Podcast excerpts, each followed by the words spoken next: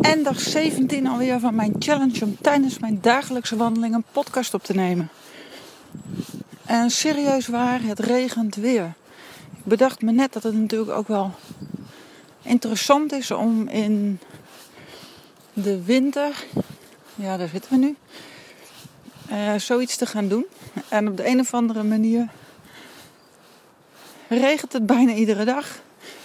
En in mijn beleving is dat uh, normaal gesproken niet zo, maar misschien ook wel. Ben ik me er nu meer van bewust, omdat ik veel meer naar buiten trek.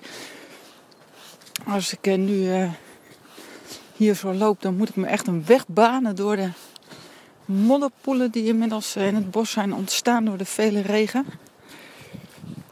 Maar een challenge is een challenge. En die maak je af, wat de omstandigheden ook zijn. En dat is meteen een mooi bruggetje naar het thema van vandaag voor deze podcast. Eigenlijk heb ik er een beetje twee, stiekem al in mijn hoofd.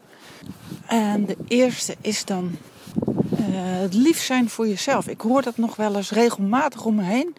Wees niet zo streng voor jezelf. Ik ben persoonlijk best wel een ambitieus uh, typeje die heel veel dingen aanpakt en doet. Veel onderneemt, veel uitdagingen aangaat. Mezelf ook best wel onder wat uh, druk kan zetten. Omdat ik ja, bepaalde doelen heb die ik wil gaan halen. En omdat ik echt een missie in het leven heb. En zo, dat voelt zo sterk dat ik daar ook bereid ben om daar heel veel energie in te stoppen. En die energie heb ik gelukkig dan ook. Dat is mooi meegenomen. Maar daarmee hoor ik wel eens om mij heen mensen zeggen: ja, maar je moet wel een beetje lief zijn voor jezelf. Wees niet zo streng voor jezelf. Als ik met mijn gezonde voeding bezig ben, dan vinden ze dat ik streng ben voor mezelf omdat ik mezelf niet iets lekkers gun. Terwijl in mijn perspectief vind ik dat wat zij dan als lekker benoemen, vind ik helemaal niet meer zo lekker. En ik weet ook dat het niet goed is voor mijn lichaam. Dus in hoeverre, stel dat ik dat zou eten, ben ik dan lief voor mezelf?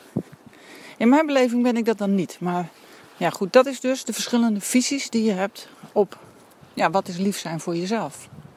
Um, Zo'n challenge als nu, ook daarin wordt wel gezegd, ja, maar het regent en het is slecht weer en je hebt nu toch wel andere dingen aan je hoofd dan uh, een stuk gaan wandelen in het bos en een podcast op te nemen. Waarom moet het nou per se? Wees lief voor jezelf. Ik ben nu lief voor mezelf. Want ondanks alle drukte die er is, gun ik mezelf dit half uur in het bos, ook al regent het. Ik gun mezelf deze tijd voor mezelf om die podcast op te nemen voor jou. Zodat jij er ook weer kracht en energie en misschien wel inzichten en tips uit kan halen voor je eigen leven. Om daarin stappen te zetten om die verandering die voor jou goed is te maken. En dat voelt voor mij weer goed, want dat past weer helemaal bij de missie die ik heb. Namelijk anderen helpen om ook dingen te kunnen veranderen zodat hun leven erop vooruit gaat. Dus in mijn beleving ben ik lief voor mezelf. Dat betekent wel dat ik af en toe heel erg gedisciplineerd ben. En ook streng ben voor mezelf. En dat lijkt niet te passen, streng en lief zijn voor jezelf. Maar juist doordat ik streng ben in de keuzes die ik maak, in de afspraken die ik maak met mezelf en me daar ook aan hou, ben ik lief voor mezelf. En dat lijkt een contradictie, maar dat is het niet. En denk daar maar eens over na over op het moment dat jij vindt dat je te streng bent voor jezelf. Wat is de reden dat je streng zou zijn en wat levert je uiteindelijk op de langere termijn op om nu op korte termijn even streng te zijn voor jezelf? Op de lange termijn ben je dan heel lief voor jezelf. Sterker nog, door de keuze te maken op dat moment om je aan je eigen afspraken te houden, ben je ook al lief voor jezelf. En dat is een andere zienswijze, het is een ander perspectief. Maar voor mij is het wel zo. En dat heeft mij inmiddels al best wel wat opgeleverd door zo te werk te gaan. Dus vandaar dat ik het hier in deze podcast ook rustig zo kan uitleggen aan jou. En ik hoop dat je daar iets aan hebt. Nou zei ik net dat ik twee thema's heb vandaag. En het andere thema is: ben jij bekend met het woordje leptineresistentie. mogelijk niet. Wat is leptineresistentie? Leptineresistentie is dat je eigenlijk het gevoel van verzadiging niet meer voelt. En daar hebben ontzettend veel mensen last van. Ze voelen niet meer wanneer ze genoeg gegeten hebben. En wat gebeurt er dan als je dat niet meer voelt? Dan ga je door. Mijn moeder eh, werd gisteren 75 jaar. En ze had ons uitgenodigd voor een etentje. En dat was in een restaurant zo'n soort van all you can eat concept. Nou, dan weet je het wel. Dan gaat er gegarandeerd te veel eten naar binnen. Want wij zijn tenslotte wel Hollanders. Dus wij gaan dan toch in ieder geval proberen om dat bedrag wat je betaalt daar zoveel mogelijk uit te halen. En je ziet om je heen het gewoon gebeuren. Borden vol worden weggewerkt. Nou, ik durf te wedden dat als je thuis eet, zelfs al ben je een hele grote eter, je dat niet wegkrijgt. En zelfs, ik heb me daar schuldig aan gemaakt gisteren. Door te veel te eten. Weliswaar gezonde dingen, maar toch te veel. En ik voel dat meteen. Want mijn leptine niveau is prima in orde. De werking daarvan is prima in orde. Dus ik voel heel goed dat ik verzadigd ben. En ik heb er gisteren voor gekozen om dan net dat beetje extra te eten. Waardoor ik er eigenlijk achteraf last van kreeg.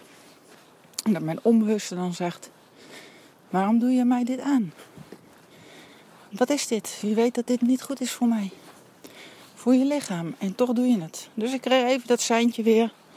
Dit was niet heel handig. En de volgende keer zal ik het wel uit mijn hoofd laten. Om dat weer op zo'n manier te doen. Maar stel dat die leptine, dat leptinegehalte, verstoord is. En je bent eigenlijk resistent geworden voor dat verzadigingsgevoel. En dat moet je zien als dat jij bijvoorbeeld een eh, vriendschap hebt. En misschien heb je wel zo'n vriendschap uit het verleden die verwaterd is. Waarvan je denkt van ja, opeens zagen we elkaar niet meer of spraken we elkaar niet meer. Het wordt steeds lastiger om, ehm, om weer contact te zoeken. Want ja, wie gaat de eerste stap zetten? Waar is het precies gestopt? Dat weet je eigenlijk ook niet meer precies. En klikt het dan nog wel? En is de ander niet boos? Of is de ander niet teleurgesteld? En dan doe je vervolgens maar helemaal niets. En zo, in de loop der jaren, verwatert dat contact helemaal en heb je helemaal geen contact meer. En is de kans vrij klein dat dat nog eh, opgestart gaat worden. Tenzij je er actief mee aan de slag gaat. Want degene die de eerste stap zet om weer contact te zoeken, dat kan het begin zijn van weer een hernieuwde hereniging en weer het nieuw leven inblazen in die vriendschap. En zo kun je het ook zien met het verzadigingsgevoel. En de grap is een beetje dat leptineresistentie, als je kijkt in de boeken daarover, dan zie je staan dat dat eigenlijk een heel fysiologisch gebeuren is. Dat is een hele fysieke aangelegenheid. Dan zou je bijna zeggen, ja, maar ja, hoe kan hypnose daar dan een rol in spelen? Want dat is toch fysiek? Dat hoor ik ook wel veel mensen zeggen met fysieke klachten. Van ja, maar dat is iets fysieks, daar kan je niks aan doen. Dat heb ik nou eenmaal. Nou, daar ben ik het dan niet helemaal op alle vlakken mee eens. Maar goed, dat is een ander onderwerp. Maar wat betreft dat verzadigingsgevoel, wat dus eigenlijk, wat je eigenlijk zou kunnen zien als een heel fysieke uh, aangelegenheid, kun je toch met hypnose veranderen. En daarmee is voor mij ook meteen het bewijs, onder andere, want ik heb meerdere bewijzen gezien en meerdere overtuigingen, uh, die, uh, waarvan ik zeker weet dat het, dat het fysieke ook daadwerkelijk door je onbewuste gestuurd kan worden. Maar dat jouw leptine-resistentie compleet kan verdwijnen. Dus dat jij dat verzadigingsgevoel weer kunt ontwikkelen. Op een hele eenvoudige en makkelijke manier. Dat je weer gaat voelen Ik heb genoeg gegeten, ik kan nu stoppen. Dat je weer gaat ervaren wat je lichaam echt nodig heeft in plaats van maar door eten en eten en eten. En dat is wel interessant, wat ik eh, tijdens mijn studie natuurlijk ook wel las, is dat het heel lastig is om van heel veel eetmomenten terug te gaan naar drie. En als ik dan in mijn praktijk kijk, dan zie ik dat dat uh, helemaal niet lastig is. Dat gaat eigenlijk van de een op de andere dag. Dat is geen probleem. En hoe komt dat dan? Omdat die leptine, dat gaat weer, ja, dat gaat weer gehoord worden. Want je onbewuste krijgt de opdracht om, uh, ja, onbewuste die weet weer wat het moet doen. Die weet weer, oké, ik heb die vriendin, laten we het daar even op houden. Al jaren niet meer gesproken. Maar de deur staat open, want we hebben nooit ruzie gehad. We hebben nooit een, iets, iets gehad waardoor het eigenlijk, het is gewoon verwaterd. Het is ineens, was het er niet meer. Maar er is helemaal geen enkele reden om dat zo te houden. En je onbewuste heeft altijd het beste met je voor. En vanuit die gedachte kun je misschien wel begrijpen dat op het moment dat jij via hypnose jouw onbewuste weer de instructie geeft dat verzadigingsgevoel te hebben, dat het ook gewoon gaat gebeuren. In één simpele sessie is dat gewoon compleet weer terug. En kun jij weer luisteren naar je gevoel. En heb je eigenlijk weer die vriendschap zoals je hem in het begin gekend hebt. Want uiteindelijk in een vriendschap is het ook, je bent niet voor niks ooit vrienden geworden. En natuurlijk kun je veranderen, waardoor je uit elkaar groeit. Maar wat ik gisteren in de podcast al aangaf, hoef je niks kwijt te raken als jij verandert. Je kan allemaal mooi aanvullen. Dat is mijn ervaring. En dat zie ik ook wel om me heen. En dat is voor heel veel mensen op dit moment best moeilijk. Op het moment dat jij leptine-resistent bent, en dat zijn er echt veel mensen op dit moment. Want we zijn allemaal vanuit ons verleden zijn we opgevoed met bepaalde eetgewoontes. En vaak is dat veel eten. Mogelijk ook nog maar ongezond eten. En te vaak eten. Want het is nu eenmaal een beetje in onze ja, cultuur opgenomen. En zeker met alle verleidingen. Je kunt bijna 24 uur per dag uh, overal eten vandaan halen. En dat doen we dan ook op wisselende tijden. En er is altijd wel een aanleiding om wat extra te pakken. En dat maakt dat je op een bepaald punt leptine-resistent uh, kan worden. Dan voel je niet meer dat je verzadigd bent en dus eet je door. En dat is ook het begin om uh, ja, te zwaar te worden. En wil je dat doorbreken, wil je weer gaan voelen van wil je weer de signalen gaan ervaren en gaan voelen wat je lichaam echt nodig heeft, dan is het belangrijk dat je daaraan gaat werken. Die relatie met je onbewuste, met die leptine. En jouw onbewuste die weet precies hoe die dat niveau weer op zo'n niveau moet krijgen. Dat je er weer naar kunt gaan luisteren. En daarvoor is het belangrijk dat je onbewuste de juiste instructies krijgt. Door nu tegen jouw lichaam te zeggen: Oké, geef mij dat verzadigingsgevoel weer terug. Dan is eigenlijk op dezelfde manier als je zou zeggen tegen je vriendin: Nou, we hebben elkaar vijf jaar niet meer gezien. En uh, nu uh, pakken we het weer op waar het was. En uh, we praten nergens meer over. Op de een of andere manier werkt dat zo niet. Er is altijd weer ergens een beginnetje nodig. Er is altijd weer ergens een emotie die getriggerd wordt. Er is altijd weer ergens een verlangen om die vriendschap weer nieuw leven in te blazen. En dat verlangen, die emotie die erachter zit, op het moment dat je die kunt voelen, dan ben je op de goede weg. Dan zijn het niet meer alleen loze woorden, maar dan is het een emotie die erachter zit. En zoals ik eerder al aangaf, emoties, verlangens, beelden, dat is de sleutel om contact te krijgen met je onbewuste. En dat is waar het bij heel veel mensen ook fout gaat. Die gaan wel tegen zichzelf dingen vertellen, positief denken. Maar als daar de juiste energie niet achter zit, Als daar niet de juiste emotie achter zit, als daar niet het juiste verlangen achter zit, dan hoort het onbewuste het niet. Niet omdat het onbewust niet wil horen, maar die spreekt simpelweg een andere taal. En als jij jezelf nu herkent in een leptine-resistent persoon en je zegt ja, als ik daar toch wat meer vanaf zou zijn, dus ik toch weer zou gaan voelen wat mijn lichaam echt nodig heeft, dan zou ik wel een stuk gezonder gaan leven.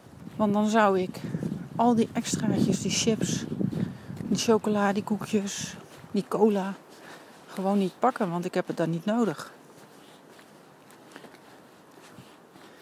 Dat begin kan je al heel makkelijk maken. En als jij zegt, ik heb daar een beetje hulp bij nodig, dan heb ik daar ook een hele mooie zelfhypnose sessie voor. Die vind je op mijn website ikvalwelaf.nl. En die helpt jou om dat ongezonde eten te laten staan. En om meer bewust te worden van wat je eet. En op die manier gaat jouw onbewuste ook steeds meer begrijpen dat die leptine belangrijk is om dat gevoel van verzadiging weer te laten voelen. En dat die resistentie gaat eruit en jij gaat weer luisteren naar je lichaam. En hoe mooi is dat als je dat kunt bereiken? Simpelweg door dagelijks, 30 dagen lang, naar een uh, heerlijke ontspanning te luisteren. En als vanzelf verandert daarmee al een gewoonte van ongezond naar gezond. En luister je weer naar je lichaam.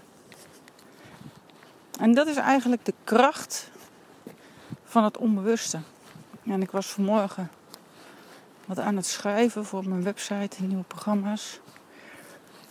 En toen kwam er in mijn gedachten eigenlijk dat we best wel massaal aan het worstelen zijn met onze eigen waarden en onze eigen met zelfliefde, wat ook heel erg uh, op dit moment een woord is wat, uh, wat je heel vaak hoort. Maar eigenlijk gaat het er toch om dat je kunt leven met jezelf. En toen kwam het woord verliefd weer in me op. Ik heb dat eerder in de podcast ook al gezegd. Ik ben verliefd op mijn vak. Maar ben jij ook verliefd op jezelf? Ben jij die persoon waar je verliefd op zou kunnen worden? Nu, op dit moment? Of is daar nog ruimte voor verbetering? En als jij nu niet volmondig dat met een ja kunt beantwoorden. Ja, ik ben verliefd op mezelf. En je twijfelt. En je kijkt eens in de spiegel en je denkt, nou, uh, nee. Zoals ik er nu uitzie, niet. Dan is het misschien tijd om in 2020 jouw jaar te gaan maken. En dat jij in 2020 verliefd wordt op jezelf. Dat jij die persoon wordt waar jij verliefd op zou kunnen worden. Dat je dat begin maakt. En dat begin kun je vandaag al maken. Je kunt vandaag al starten. Want uiteindelijk is ieder mens het waard om verliefd te zijn op zichzelf. Dat is ook wel een heel interessante manier om naar relaties te kijken. En hoe je dat eigenlijk ook weer eenvoudig kunt veranderen naar een liefdevolle relatie. En dat begint eigenlijk altijd, altijd weer bij jezelf. Zo, ik heb ondanks de regen toch weer een heerlijke rust over me. Even in alle drukte met de voorbereidingen voor de kerst. Toch dit half uurtje in het bos. Het is echt stil hier. En ik vind het heerlijk. Dus ik ga nog even een stukje wandelen. En dan ga ik zo de podcast uploaden. En dan is het morgen eerste kerstdag. En dan wens ik je natuurlijk vandaag heel veel succes met de voorbereiding als je die nog uh, gaat doen. En een fijne kerstavond. En morgen ben ik er gewoon weer. Eerste kerstdag, want een lekkere wandeling is nooit weg en die kan je altijd maken wat voor dag het ook is. Ik wens je nog een hele fijne dag, een fijne kerstavond. En dan uh, hopelijk tot morgen. Doeg!